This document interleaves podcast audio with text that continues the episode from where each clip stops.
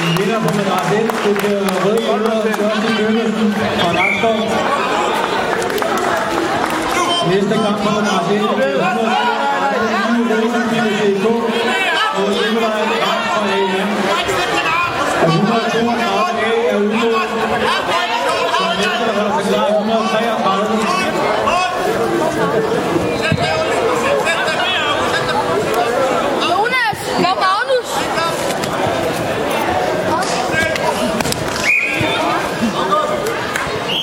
Pause.